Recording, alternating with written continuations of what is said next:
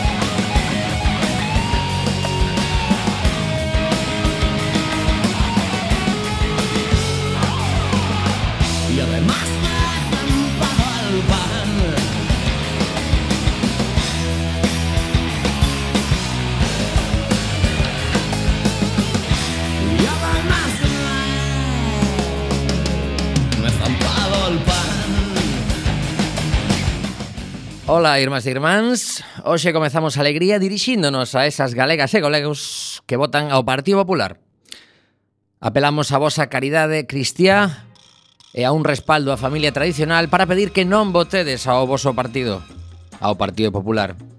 En este caso facémolo pensando exclusivamente nesa criatura que vai vir ao mundo e que, depende de ti, pode estar sen o seu pai durante case 4 anos durísimos para unha criatura tan pequena. E iso non pode pasar. Vas ser responsable de que un albertiño sufra ese trauma na súa tierna infancia? E ollo, non pedimos que votes a outro partido. Neste caso, o elegante é a abstención, pero aproveitando o tempo que che vai eh, que che vas a forrar non indo a votar para levar uns patuquiños ou un babeiro ás sedes do Partido Popular. Apelamos a esa caridade cristiá. E ata aquí Esta chorras presentación de Alegría, segunda emisión da 14ª tempada. Mr. Bugalú están nos mandos técnicos, eh, agardamos que o mellor teñamos algo máis de compañía, mandamos un bico a Beula Lume, e a Isa polo de agora non lle mandamos nada, non vai a ser que apareza de repente.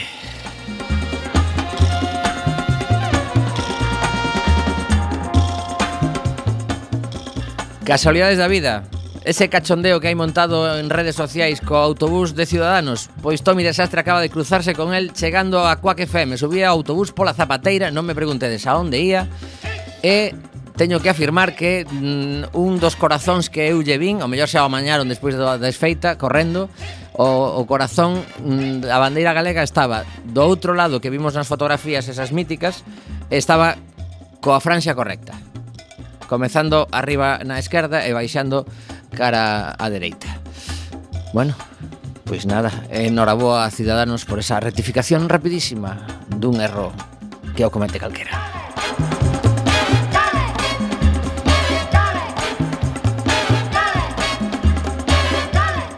Hoxe falaremos de cousas como o acontecido onte no debate electoral, falaremos algunha cousiña interesante tamén aprobada no pleno da cidade da Coruña que se celebrou onte pola tarde. Estamos inmersos nesa campaña electoral de cara ás vindeiras eleccións galegas as que unha vez máis repito, por favor, non lle votedes a Alberto, non lle votedes porque é unha faena, que el ten 55 anos, é pai primerizo, a súa muller 51, eso é un marronazo. Teñen que estar ao 100% coa criatura. Albertiño non merece un pai lonxe da casa.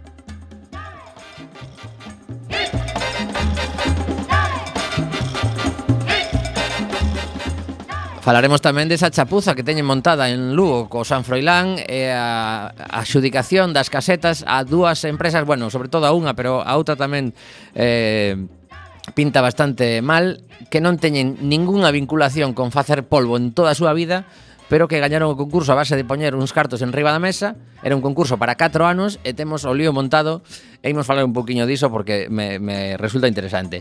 Ademais, coñeceremos un organismo que eu ata hai unha semana nin tiña idea de que existía. Iso será unha chamada telefónica que imos facer agora mesmo a Bélxica. Bueno, agora mesmo exactamente non, porque imos escoitar a primeira canción do programa de hoxe, unha das bandas que xa anunciamos esta semana estarán o 1 de outubro na final mm, do concurso de bandas de Quack FM, neste caso na batalla de bandas. Veñen dende Barcelona, chámanse Sons of Meteora e soan así de cañeiros. A alegría, Quack FM 103.4.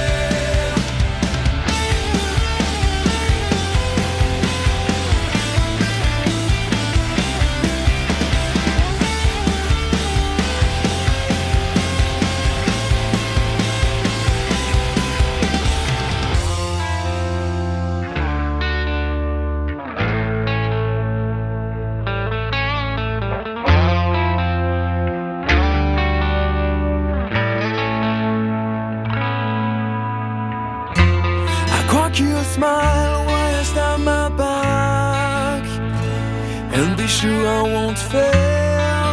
It's too late to step back. It's too late to regress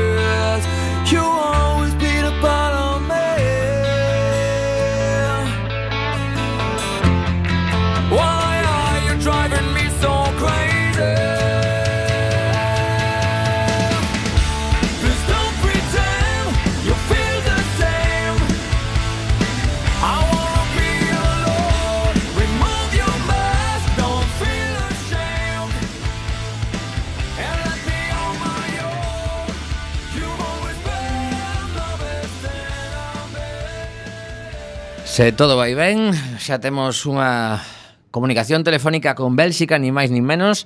Eh, un, non lembro agora, pero fai bastantes anos que en Alegría non, non tentábamos conectar co, co estranxeiro. Miriam Meda, boas tardes. Boas tardes. Hola, buenas tardes, como estás? Muy bien, ¿y vosotros? Pues la verdad es que encantados de hablar contigo, de saber que sigues con ganas de, luchar y, y esperando que, que, nos cuentes esta, esta novedosa institución o organismo que, que, nosotros no sabíamos que existe. Entonces, vamos a poner a, a nuestros oyentes en antecedentes. Miriam Meda es compañera de, de, misiones comunitarias desde hace unos cuantos años y le seguimos la pista ahora mismo a través de, de, su Facebook, en el que nos cuenta una serie de cosas que van sucediendo en Bruselas, que es donde está viviendo. ¿Cómo, cómo lleváis la vida por ahí? Tú y, pues bueno, bien. y Samu. La verdad es que bastante bien. Ahora el verano se ha portado bien y hemos empezado el nuevo curso mejor que terminamos en el anterior. ¿Por, ¿Por, qué dices eh, que habéis empezado mejor? No, cuestiones principalmente laborales. Ajá, vale, estupendo. Bueno, pues eh, hemos llamado a Miriam porque hace unos días, eh, como os decías, la seguimos por, por Facebook sobre todo y, y nos enviaba una información, compartía con el mundo una información sobre lo que se llama exactamente Consejo de Residentes Españoles que esto existe en todos los países en los que hay embajadas y consulados? Pues no, de hecho, has dicho tú antes un órgano novedoso y desconocido. Bueno, novedoso no es, porque existe desde hace mucho tiempo, pero es verdad que ni siquiera las personas que vivimos en el extranjero, mucho menos las que, os quedáis allí, eh, conocemos bien estos consejos de residentes españoles. Antes de nada deciros que estos consejos no tienen vamos a decirlo bien, 100% poder de cambio, Ajá. porque es un órgano consultivo, vale. ¿de acuerdo? No es un órgano que pueda crear normativa ni nada de eso, pero los consulados, principalmente, están obligados a escucharlos, a escuchar a la gente que está en las listas de, de estos consejos de residentes y que representan a los españoles en el extranjero, en el país donde están. Pero para nada hay en todos los países. De hecho, esto depende del número de residentes que haya. Obviamente, por ejemplo, en Bélgica, donde yo vivo, solo puede haber un consejo de residentes. Pero, por ejemplo, en Estados Unidos, que es un país enorme, puede haber nueve. Uh -huh. Nueve listas diferentes, nueve consejos diferentes en diferentes estados. Pero para que os hagáis una idea, en total, por número de extranjeros, españoles extranjeros, podría haber 92 consejos en el mundo y de momento creados solo hay 37. Caramba. Y uno de estos motivos es que no lo conoce nadie. De hecho, yo llevo viviendo aquí dos años, casi dos años, y me enteré este verano de que esto existía. Yeah. Es un problema de información, es un problema de transparencia, es un problema de que siendo un órgano consultivo, si es verdad que el consulado está obligado a escucharnos, con lo cual tampoco interesa demasiado que se sepa. Claro. Y bueno, estos son los principales factores del desconocimiento. Y mm, por lo que te han contado, en concreto en este que, que estáis intentando, pues ahora eh, tener representación en el, en el de Bélgica, eh, en trabajo de años anteriores, ¿se les escucha de verdad y se tienen en cuenta sus propuestas? Pues aquí ha habido una cosa muy curiosa que ha pasado en otros países también. En los países de migración española histórica, Bélgica es uno de ellos, Argentina, Alemania, ¿no? A lo mejor, no sé, Australia no es tanto inmigración histórica española. Ahora sí, pero no antes. Uh -huh. Entonces siempre ha habido, o en muchos países ha habido unos consejos con la misma lista, en muchas ocasiones con las mismas personas, o cambiando un par de ellas de la lista, y funcionando, pues, como se han funcionado igual en España con los partidos eh, históricos o que se crearon con la democracia, digamos. Entonces, los que ya están constituidos sí que tienen una forma de actuación un poco, vamos a decir, eh, antigua o menos participativa o menos transparente y en muchas ocasiones no es una cuestión de mala fe, de decir, ah, pues tengo este documento del consulado y no lo voy a compartir. No, no, a lo mejor es que es un consejo de residentes españoles que no tiene redes sociales Yeah. o que no tiene una página web. O sea, y esto que parece de perogrullo, pero está pasando. Entonces, por un lado tenemos eso Y por otro lado tenemos que, dependiendo de cuáles sean las reivindicaciones, se hace más caso o menos caso.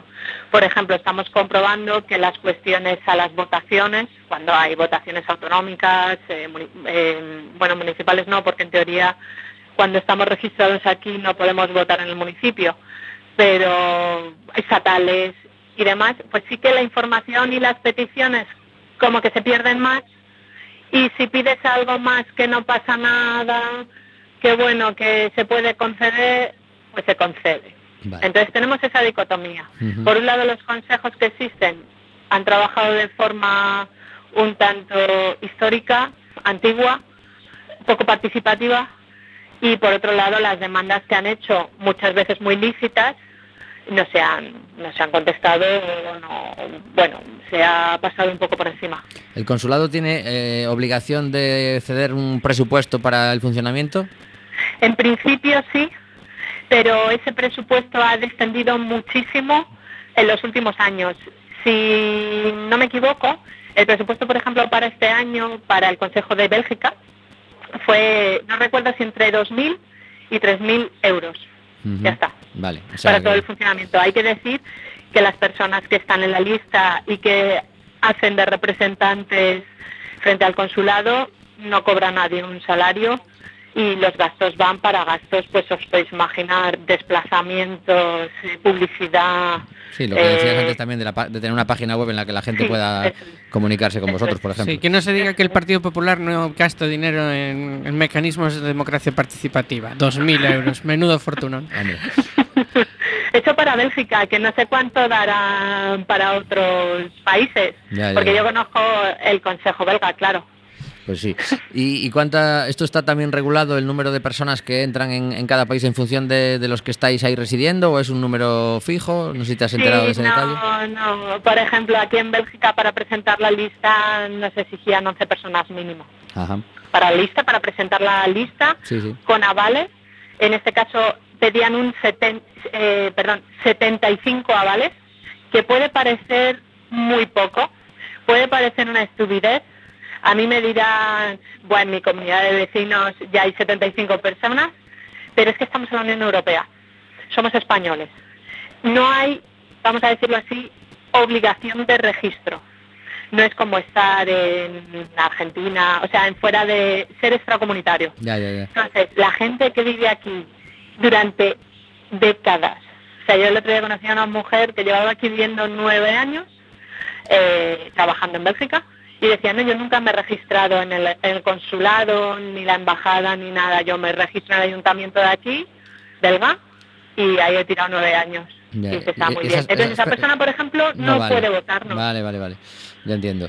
Y aparte de, de- de el- digamos, el, el- trámite en el que estáis ahora, que es conseguir, hay que decir que todo esto partió porque vimos que coincidía, lo, lo pusiste tú, coincidía a la misma fecha las elecciones autonómicas gallegas y vascas con la de vuestra elección o no para, para este, este Consejo de Residentes Españoles. Bueno, decir que, que vuestro, eh, ¿cómo le llamáis? Vuestro... mm, órgano, comunidad, eh, equipo, creando en común. Sí, equipo, sí. Equipo, vale.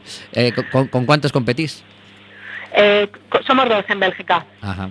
O sea, Eh, hay otra candidatura que es la candidaturista, la que ha ganado siempre todas las elecciones. Hay que decir que las, ele- las elecciones son cada cuatro años. Y, y bueno, y ahora ha salido esta nueva candidatura con la nueva inmigración, aunque la candidatura es intergeneracional.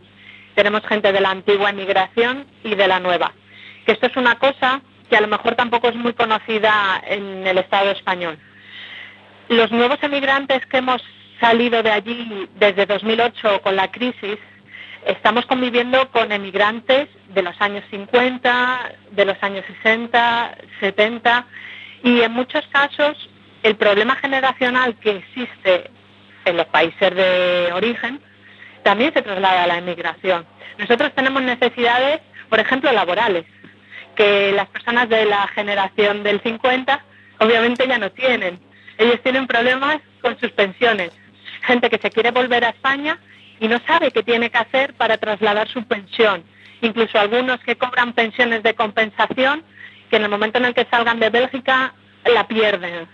Entonces, claro, todo eso hay que juntarlo en un programa electoral que, cubra las necesidades de todo el mundo. Pero a veces también es un motivo de conflicto, porque es como nuestras necesidades siempre pensamos que son más importantes y que tienen que estar por encima de las de los demás. Eso es inevitable, quiero decir, en sociedades humanas o grupos de personas o llamémoslo como queramos. Y esto es algo que se está dando en todos los países.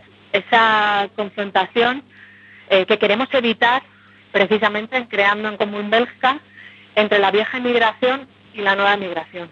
Y en este caso, una vez que sean las elecciones del día 25, ¿hay eh, equipo ganador y equipo perdedor? ¿O podría darse el caso de que tengáis que, que repartiros los, los puestos del, del órgano consultivo? Pues eh, en principio sale la lista completa. Ajá. Eh, pero nosotros lo que nos hemos planteado es que gane quien gane, haya que seguir trabajando de las maneras posibles con, con el consulado. Por supuesto, si nuestra lista no gana las elecciones, acercarnos al Consejo de Residentes eh, con la lista histórica y si, si nuestra lista gana las elecciones, por supuesto, hablar con la otra lista y ver qué problemas podemos solucionar en común. Saliendo un poquito de, este tema en concreto, pero mm, de alguna forma relacionado, eh, ¿cuáles crees que son los tres o cuatro problemas fundamentales para personas como tú que en un momento determinado llegáis a, un país extranjero, aunque sea en este caso algo más fácil por el tema de ser de la, Unión Europea, pero que te encuentras, pues eso, a lo mejor la burocracia para abrir una cuenta bancaria? Cuéntanos un poquillo cómo es el procedimiento. Bueno, lo primero que uno se encuentra es el idioma porque, y ya lo digo de antemano, estudiar inglés está muy bien. Si uno se va a Inglaterra, a Irlanda, bueno, buena suerte entendiendo a los irlandeses, y a Malta, en fin, alguna ex colonia inglesa. Eh, pero nos han dicho que con el inglés se llega a todo el mundo y no es así. O sea, yo vivo en la capital europea, donde el 62% de la población no es belga, con la OTAN, o sea, es la sede de la OTAN, la sede de la Unión Europea, pero mira, aquí o aprende francés o neerlandés, o mejor los dos, o aquí uno trabajo no encuentra. Quiere decir, no encuentra trabajo en el sistema público, no encuentra trabajo en el sistema privado, y sí, en la Unión Europea muy bien, y en la OTAN muy bien, pero todo el mundo habla inglés. Necesitas un tercero, un cuarto idioma o un quinto. Y por supuesto, el idioma es lo que ralentiza y, y enfanga toda la burocracia. Desde hacer una declaración de la renta, abrir una cuenta bancaria, alquilar un piso. Hay muchos timos también y alquilar un piso es fundamental, es o una habitación, quiere decir, hay que hacerlo. Entonces es el idioma y lo que nos han vendido, ¿no? Que con la formación vamos a todas partes y con el inglés también. No, se va a todas partes con la iniciativa, con mucho poder de levantarse cuando uno se cae y con mil eh, kilos de paciencia. Pero con la formación y con los idiomas llegas a un par de metros y poco más. No, esto no es por desilusionar, es por preparar a la gente que quiera salir fuera. Déjate de coño, nos viene, nos, nos viene bien, por a ver si para de salir gente, porque estamos en racha. Sí. Y luego, en la Unión Europea, a ver, uno de los puntos de nuestro programa es eh, oponernos a la expulsión de los españoles. Y esto a todo el mundo le suena a chino-japonés. Dicen, ¿cómo expulsar a los españoles de Bélgica si somos la Unión Europea y el Tratado Schengen y la libre circulación? Bla, bla, bla, bla. Bueno, si uno se lee el Tratado Schengen, porque aquí hablamos del Tratado Schengen y no se lo ha leído nadie, como la Constitución o como los Estatutos de Autonomía o etcétera, dice que los comunitarios tienen derecho a trabajar en cualquier país de la Unión Europea. No dice que tengan derecho a vivir. Y esto es muy importante, porque significa que si tú pasas aquí un periodo de tiempo superior a seis meses y no trabajas, no encuentras trabajo, te has venido, eh, estás en el paro, y no demuestras que tienes ingresos de algún tipo, pues tus padres que te mandan dinero, que te ha tocado la lotería, que tienes el paro español, yo no sé, algo, si no demuestras ingresos, y no trabajas, te llega una carta de expulsión diciendo usted tiene que abandonar el país. Y si uno tiene una tarjeta belga que le valga para la sanidad, que le valga para el colegio de sus hijos, el que los tenga, que le valga para el banco, esa tarjeta tiene un chip. Es como el DNI electrónico, pero bien, funciona. Vale. Y ese chip, pues automáticamente se anula, porque usted tiene una orden de expulsión. Bueno, pues eso es una de las cosas también a la que se enfrenta la gente y a la que nos enfrentamos cuando pasamos más de seis meses sin trabajar, sin demostrar eh, ingresos y si encima uno ya recibe una ayuda belga, ya uno que se olvide porque la carta le va a llegar. Ya, ya, ya. ¿Y hay, hay, un, hay un periodo para poder volver? Eh, ¿Cómo para poder volver? Claro, ah, no. una- vez que te dicen te tienes que ir, No, no. Sí, no, la diferencia es que, claro, si uno es extracomunitario, o por ejemplo en España, pues la policía llama a tu puerta o te cogen en un control de un metro o tal y te vienen en un avión y te mandan para tu país. Eso no lo pueden hacer porque somos europeos. Pero cuando a ti te anulan esta tarjeta, con lo que se mueven muchas cosas, todo, el, todo, todo se mueve con esa tarjeta. Pues claro, uno va al banco y dice, oiga, que tú tienes una orden de expulsión. Ah, bueno, uno va a la farmacia, que también se mete con el chip electrónico, oiga, que tú tienes una orda- orden de expulsión. Y como eso todo. Entonces, a ver, echarte no, no te echan, no te meten en un avión, pero te hacen la vida imposible.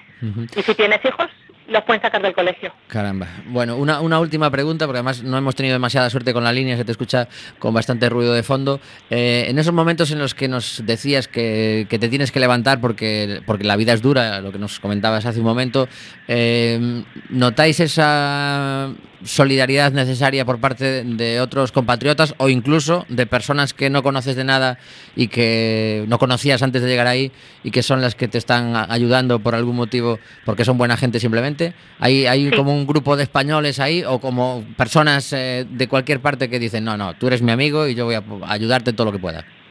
Bueno, lo primero, en general, la sociedad belga de Bruselas, también depende mucho de las ciudades y del, si es el norte o el sur del país, pero la, la gente belga de Bruselas es muy hospitalaria y te puede ayudar en todo lo que, necesites, incluso con el idioma se intentarán comunicar por signos, si hace falta.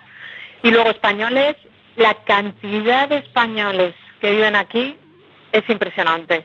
Asociaciones de lo que queráis y más. Equipos de fútbol, de baloncesto, bares, restaurantes, asociaciones, Centro Gallego, por supuesto. el Centro Gallego, por supuesto, desde los años 70. Sí, o sea que no, no es poco decir. Y luego hay una asociación que ayuda muchísimo a los españoles que vienen. A- a- De hecho, siempre le mandamos a la misma. Es una asociación sin ánimo de lucro, se llama Integra Ben.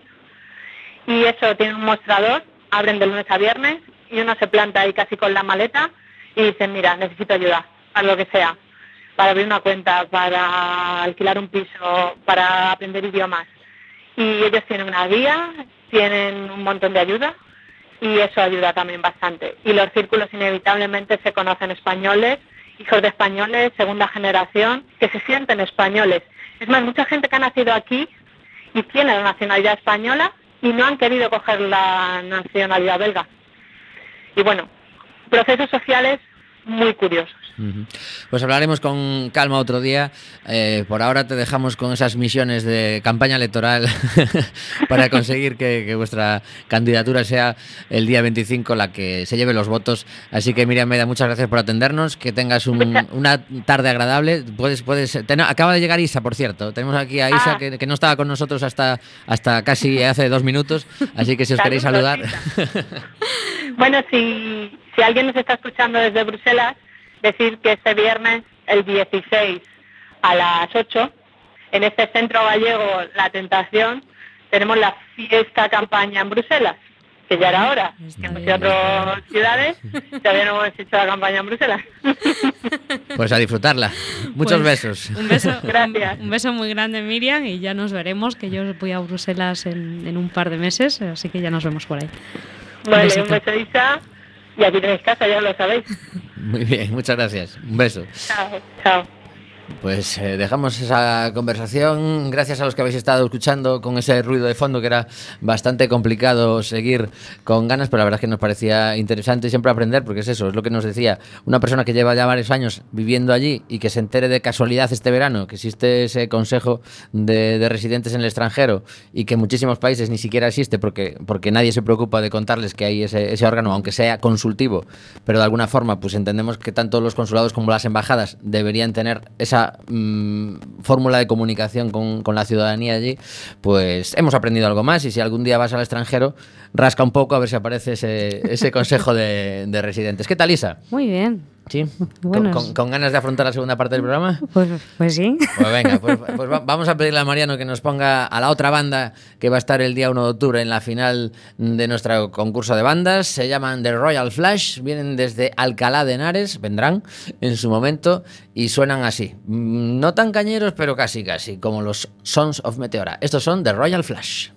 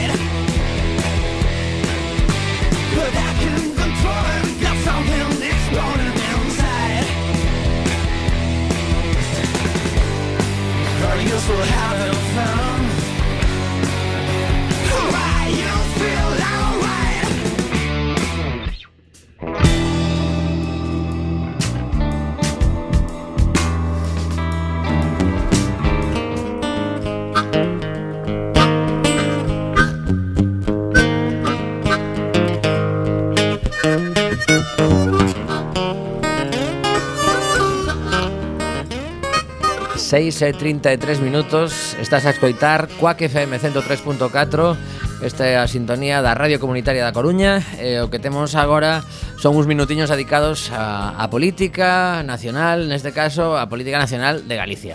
Eh, Onte pola noite vimos un debate a 5 Na televisión autonómica Tamén retransmitido pola Radio Galega con unha serie de bloques que estaban polo visto pactados polos diversos partidos e que algún deles eh, en principio había había unha había unha eh, non sei como chamalo exactamente, si por parte de varios partidos non, non tiñan gañas de falar de coalicións, entón sai uno debate, eh, puxeron cara de pregunta, pregunta que non hai problema, entón abriuse un turno así para falar un pouco da posible, das posibles coalicións.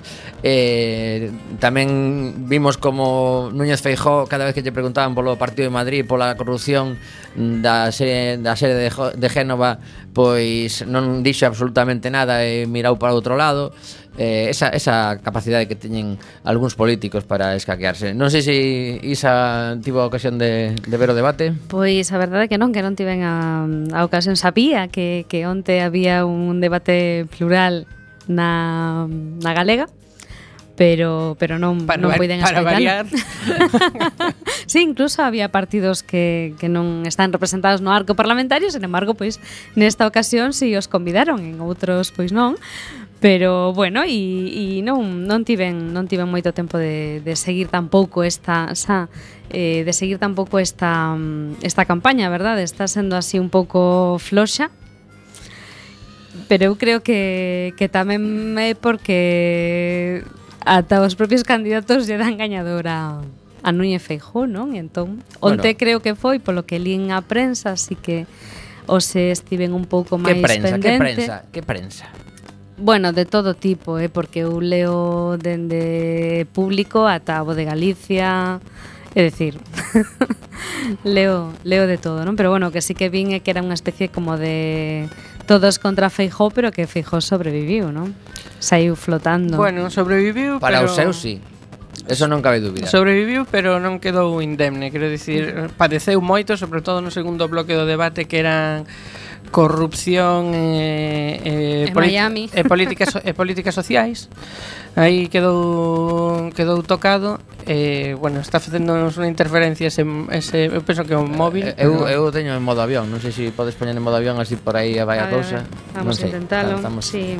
estamos eh vou checando, vou, vou checando cousiñas bueno, eu sigo comentando que eh, para os que non tiveches a ocasión de, de ver o debate, pois había unha mm, tasación dos tempos bastante estricta, co cal era cousa de lle quedan 16 segundos, eh, pode intervir en 4 segundos, por favor, ten mm. 10 segundos para contestar a, a alusión de non sei que. Hombre. É que isto é moi eu sinceramente me aburre moitísimo, xa me pasou na campaña pasada, eh, na, nas estatais me refiro nas eleccións xerais. Xa me pasou incluso no, no debate este de la sexta, non? Que era así un formato un pouquiño máis aberto que os demais. Pero é absolutamente aburrido, porque o non ter, o non ter ningún tipo de capacidade de maniobra, nin, nin poder interrumpir, nin poder, eh, bueno, interrumpir con educación, non? Pero bueno. Bueno, pois pues ante, ante non houve problemas para interrumpir, eh? Sí, pero é que é absolutamente aburrido. O sea, eso non é un debate, é unha exposición de motivos no que el dúas persoas pois eh, contrarrestan o que digo os demais, non? Pero bueno, é habitual, tampouco hai debate no Parlamento, E como non fan debate no Parlamento, pois porque o van a facer nos medios de comunicación. Eh, a ver, aburrido foi, evidentemente, eh, o, o presidente o presidente da Xunta estivo a meu xuizo, vamos, estivo mm, chegou un momento, empezou empezou ben, pero foi de máis a menos, chegou un momento no que se descontrolou, empezou a estar bastante faltón, incluso pouco presidencial, que é unha cousa que extraña mm. en, en Núñez Feijó. Por eso digo que hai falta de práctica. Eh, sí, é fal hai bastante falta de práctica, de feito, a para min a mellor do debate foi Ana Pontón, que que tirou de repertorio parlamentario e, e o soubo manexar ben. Eh, Villares lendo Villares fixo itinerario contrario ao de ao de ao, de, ao de Feijó foi de, un pouco de menos a máis. Eh, foise esquecendo dos papeles e tranquilizando a medida que avanzaba o debate aínda que se lle nota que, que aínda non é un político. Eh, Leiceaga estivo concreto, eh, acertou con algunhas cousas, pero é unha persoa que ten un perfil baixo eh, e que o penaliza neste formato. Estivo ben ao principio na, na fase de, de economía, na súa uh -huh. zona de confort, evidentemente. Estivo, estivo solvente e o de Cristina Losada foi un desastriño. Pero Cristina Losada, bueno, é a candidata emerxente de Ciudadanos, non? Tampouco de emerxencia, máis que emerxente, claro. pero que, claro, a cuestión Pero é... non ten absolutamente tampouco ningunha experiencia nin política, nin, no? experiencia, caso, nin claro, criterio. No caso, no caso de Leiceaga ten unha experiencia parlamentaria e esa este rollo profe que ten ás veces, non? De, de pues vou recitar as propostas que teño, non? Pero... Eu penso que o problema de, de Cristina Losada non era tanto eso, de, de experiencia como de criterio, nulo mm. criterio político, nul, o sea, moi pouca capacidade de, de manobra, porque empezaba dicindo eu vou, vou patar con Feijón no, no caso que poda, uh -huh. quero dicir, prácticamente regalando sí, o que, o regalando que comentamos voto. a pasada semana cando escoitamos os, os cortes referidos a, a presentación Pero, da campaña na Coruña. O que sí que se eh, notou, eh, no, eu non podo dicir que, que eh, bueno, Bueno, ah, sí, posiblemente eh, se hai que falar en términos gañador, perdedor. Se, Supoño que Ana Pontón sería gañadora do, do debate Os demais perderían. Pero un poquinho máis alá na análise e penso que o que hai é eh, que a oposición se mantivo o, o ao contrario das, das eleccións estatais nos que había moito o sea, tamén uh, fogo sí, amigo, digamos sí. neste caso non houbo. Era un todos contra era, Feijó era un todos contra Feijó ou, ou un tres contra Feijó sí. mellor dito ¿no? e outra dicindo, bueno, non lle vou permitir facer o que queira pero como dependa de min vas gobernar pero vou estar aí coa, molla, coa mosca detrás da bota e logo, a moderación, sinto dicilo porque porque había aí un moderador que é amigo da casa e non ademais do programa e máis, persoal. máis amigo noso que da casa máis amigo noso que da casa uh, deixou que deixou que desear. Quen era? Quen era o moderador? Era Kiko Novoa. Kiko Novoa. Kiko Novoa. Eh, eh, Ela non, no, Mar non sei que, pode ser. Sí, pero uh, había um, xa non son que se metera un, un Vamos, asunto. ficharon un home de radio. sí, xa non un conductor, da, un locutor da Radio Galega un, para un, das voces máis coñecidas agora sí. mesmo do panorama, porque ademais sí, sí. de, de facer radio tamén está en, en programas de televisión. E alguén con solvencia, pero, tamén. pero houve aí un problema, era que eh, se deixara, ah, non se, pa, bueno, se pactar a deixar eh, fora do bloque falar de pactos, e se, se introduciu aí con calzador, que un, para min iso non foi o, o maior problema, senón que o maior, o maior problema era unha diferencia de trato, sobre todo por parte da moderadora, sí tremendo. O sea, pero unha diferencia de trato que chamaba sí, atención. Un, ahora un de favoritismo ao presidente, entendo. De, de cortar a un e eh, que non cortar Incluso a, outro. a nivel de cortesía sí. eh, eh, e de, e de, de formulario no trato, digamos. Incluso eh. to tolerancia ante unhas cousas e con outros sí. non. Mm. Non imos entrar agora porque porque non, non nos vai dar demasiado tempo se queremos facer todo. Pero bueno, queda aí un pouco aparcado que eu defendo que non debería haber un debate na TVG xusto a continuación do debate, me refiro a nivel xornalístico, primeiro porque aí sí que mm, perdes, digamos, de alguna forma o control de quen está nese debate, e segundo porque eu que levo dúas horas e media escoitando aos candidatos e quero facerme a miña idea, incluso si me peta investigar sobre os datos que me lanzaron a mí, para min o que perde neste tipo de debate sempre é o espectador. Eu como espectador perdo porque me lanzan datos continuamente a un ritmo frenético, non podo contrastar absolutamente nada, non sae en pantalla ningún só eh, gráfico no que me verifique que o que está dicindo ese señor ou esa señora é certo, co cal vai incrementándose o meu cabreo co que me están contando. Entón, ou cambian o formato de debates e poñen na pantalla as cifras ou a outra opción é que se lles proíba dar datos aos aos que están ali, datos concretos de cifras de porcentaxes e todo iso, pois non pode ser, porque senón un cachondeo. E deixademe dicir unha cousa que me chamou a atención. Eh, fixen... Pero é es que eso é moi difícil, eh?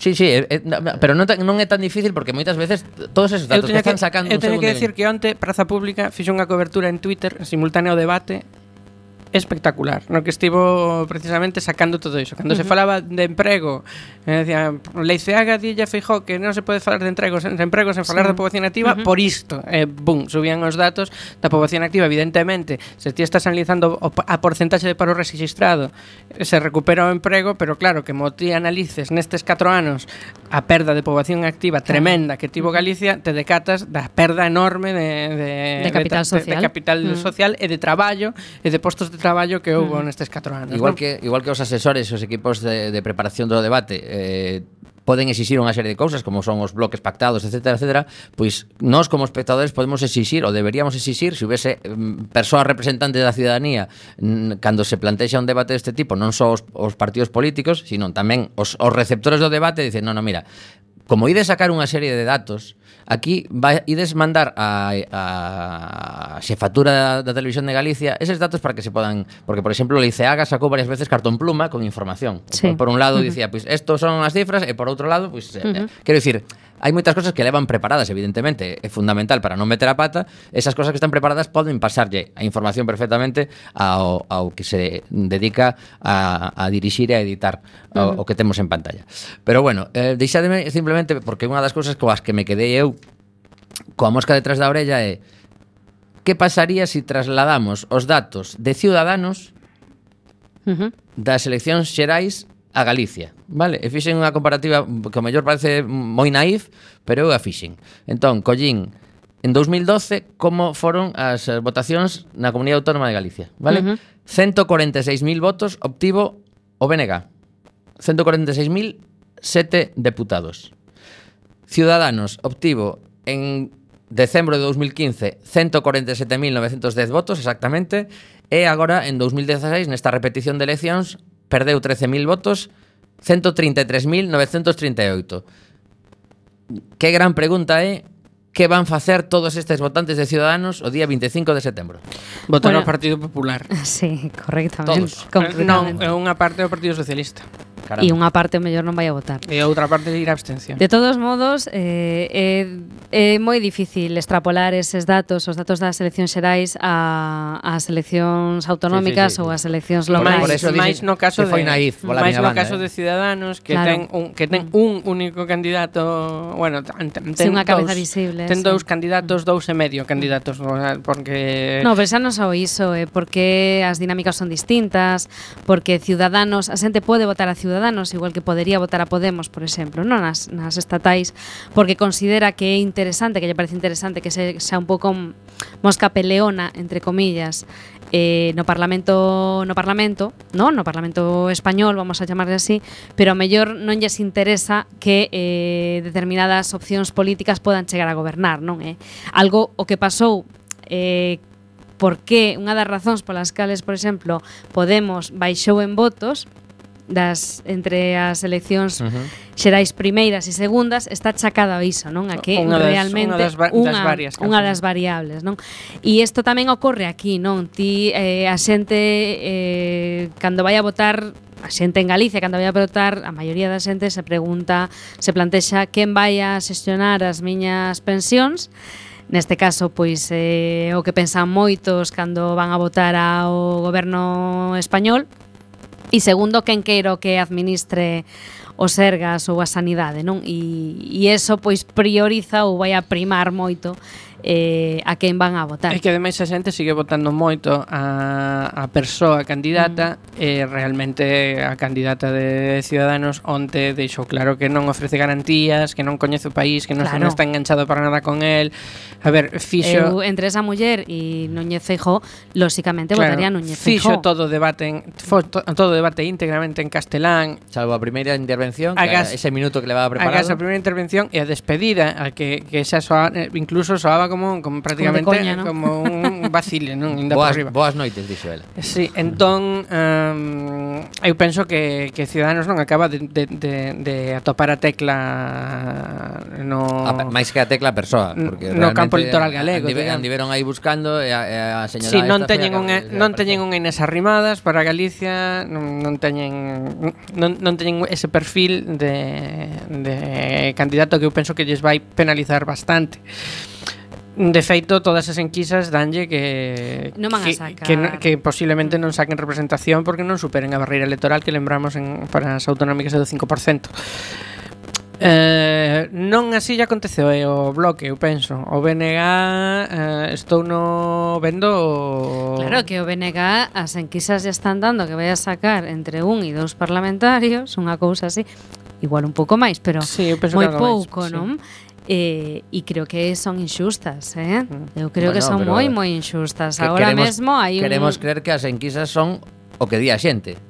No, no, no, no. O sea, que están, manipu están manipuladas. no, non, non é que están manipuladas, manipuladas, pero están mal traballadas ou se poden traballar de outra maneira, non son Eso non eh, é manipulación, eso que estás dicindo. Non necesariamente. No, hombre, no. no a ver, eh, todas eh, as técnicas No, pero no, pero todas as técnicas estadísticas e todas as técnicas analíticas teñen unha parte de cuantitativa e teñen unha parte de análisis cualitativo e interpretación. Non é manipulación, é interpretación. Eso depende moito tamén do investigador ou investigadora que o faga, non? ou neste caso, eh, no analista político que, faga, non? Pode e ser. de quen lles pague, por exemplo. Bueno, por Pero exemplo, o que se di das CIS, ao CIS é unha, esta, é unha empresa pública, e o que se di das últimas enquisas do CIS é que son eh, están eh, pouco interpretadas mm. e pouco adaptadas ao territorio.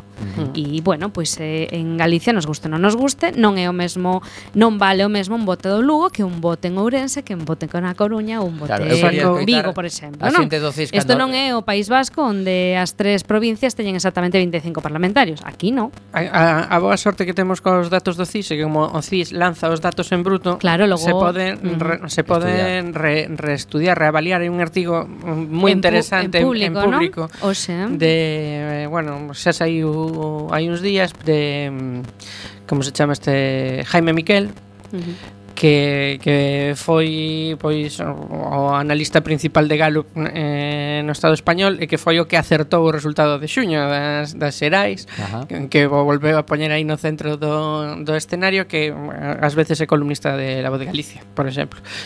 Eh, eh, dicía que eh, vamos, o, o fin, explicaba en público se explica, se facía explicación de, de, do análise, el digamos que enfocaba máis nunha dirección eh, máis perto da enquisa de sondaxe, que dan que dan enquisa do CIS. Que lle daba sondaxe ao bloque?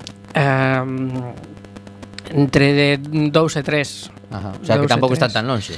Non, pero sí que cambiaba a, tanto a vantaxe do Partido Popular que, que, que o CIS dá unha vantaxe moi neta eh, e sondaxe non eh, Jaime Miquel non lle dá tampouco e tamén eh, a, a correlación, de, correlación de, de forzas entre o Partido Socialista e, Sol... e Marea. Sí. Ah. Sí. Mm. Aí cambiaba un pouco. Mm. Bueno, pois pues precisamente xa que Tamén é certo, tamén é certo que din que que a enquisa de sondaxe está cociñada para eh, reforzar o voto do Partido Popular que todos estos sí, votantes bueno, que, é o típico, que, aí a eh, límite, moi ao límite. Sí, está... O que pasa é que é, é un pouco xogar con, con lume. Eu, eu, porque de paso que reforzas a, o Partido Popular tamén estás reforzando o, estás, estás chamando votos adversarios do Partido Popular. As gañas de dar o vol sí. a, claro, de, de, de volcar o resultado a, porque sabes que por un pode estar eh, o goberno noutro lado. Mais aínda despois do que se viu onte, insisto, que se viu un frente unido antipartido popular, non un frente antifeijó.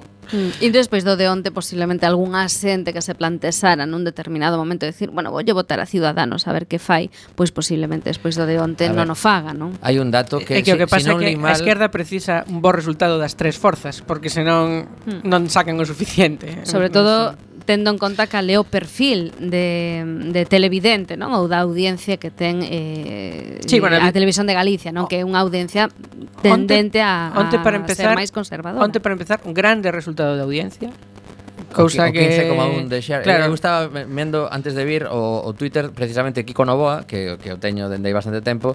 Eh, eh, vou buscar agora exactamente eh, a cifra de máxima audiencia o pico de audiencia en persoas, non non en porcentaxe. Tamén os datos de os datos de os datos de abstención que votaban tanto a enquisa de sondaxe como a enquisa do CIS son baixísimos, o sea, unha, unha abstención que se prevé moi baixa, eh, cousa bastante extraña eh, nunhas autonómicas galegas, eh, cousa que lle pon tamén bastante complicado bastante complicado ao, a, aos institutos demoscópicos afinar, porque de repente van ter moita xente que adoi, non adoita votar que vai ir votar. Mm. De todos modos, eh, nas eleccións galegas... Galega sole ser mai, adoita ser máis alta que nas xerais sí, en Galicia. Sí, sí. sí. No, no, bueno, a participación é máis alta que nas xerais. Eu lembro nas últimas que non chegou o 70% de participación, pero dende logo superou moi amplamente o, o 50, non? E, e chegou o 60 o sea, pero está, algo. Pero estamos falando de que eh, en tanto sondaxe como o CIS din que vai superar recuperar holgadamente o 70%. O 70%.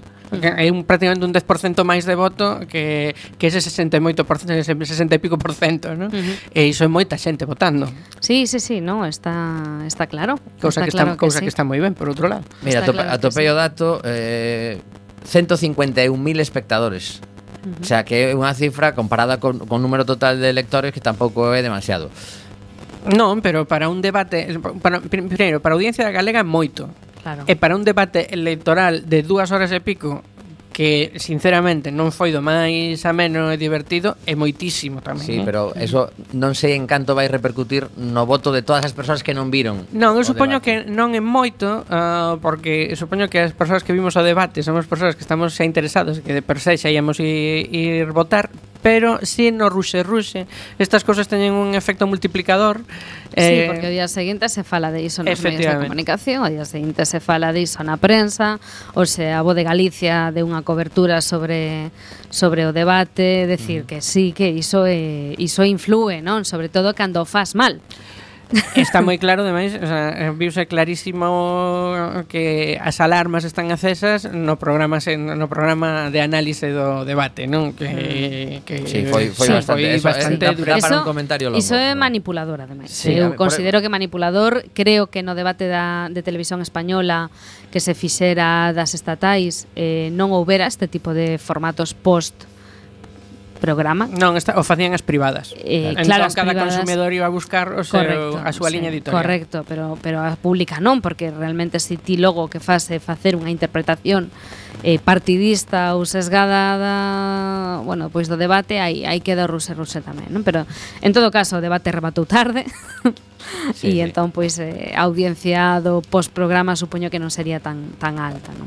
Pois sí, nada, teño aquí diante os eh, datos das autonómicas anteriores 2012 En concreto, contabilizáronse 1.467.000 votos Que foi un 63,8% de participación. As están e, 10 puntos por riba diso. E 832.678 foron as persoas que decidiron non ir a votar Un 36,2% Que eu non me creo, eh, que, que vaya a superar un 10 puntos Pero, no. porque sería moitísimo pero... Sí, o que pasa é que, por exemplo, votos nulos eh, Hai 4 anos houbo casi casi votos en branco hubo casi 3%, votos nulos hubo un 2,5%.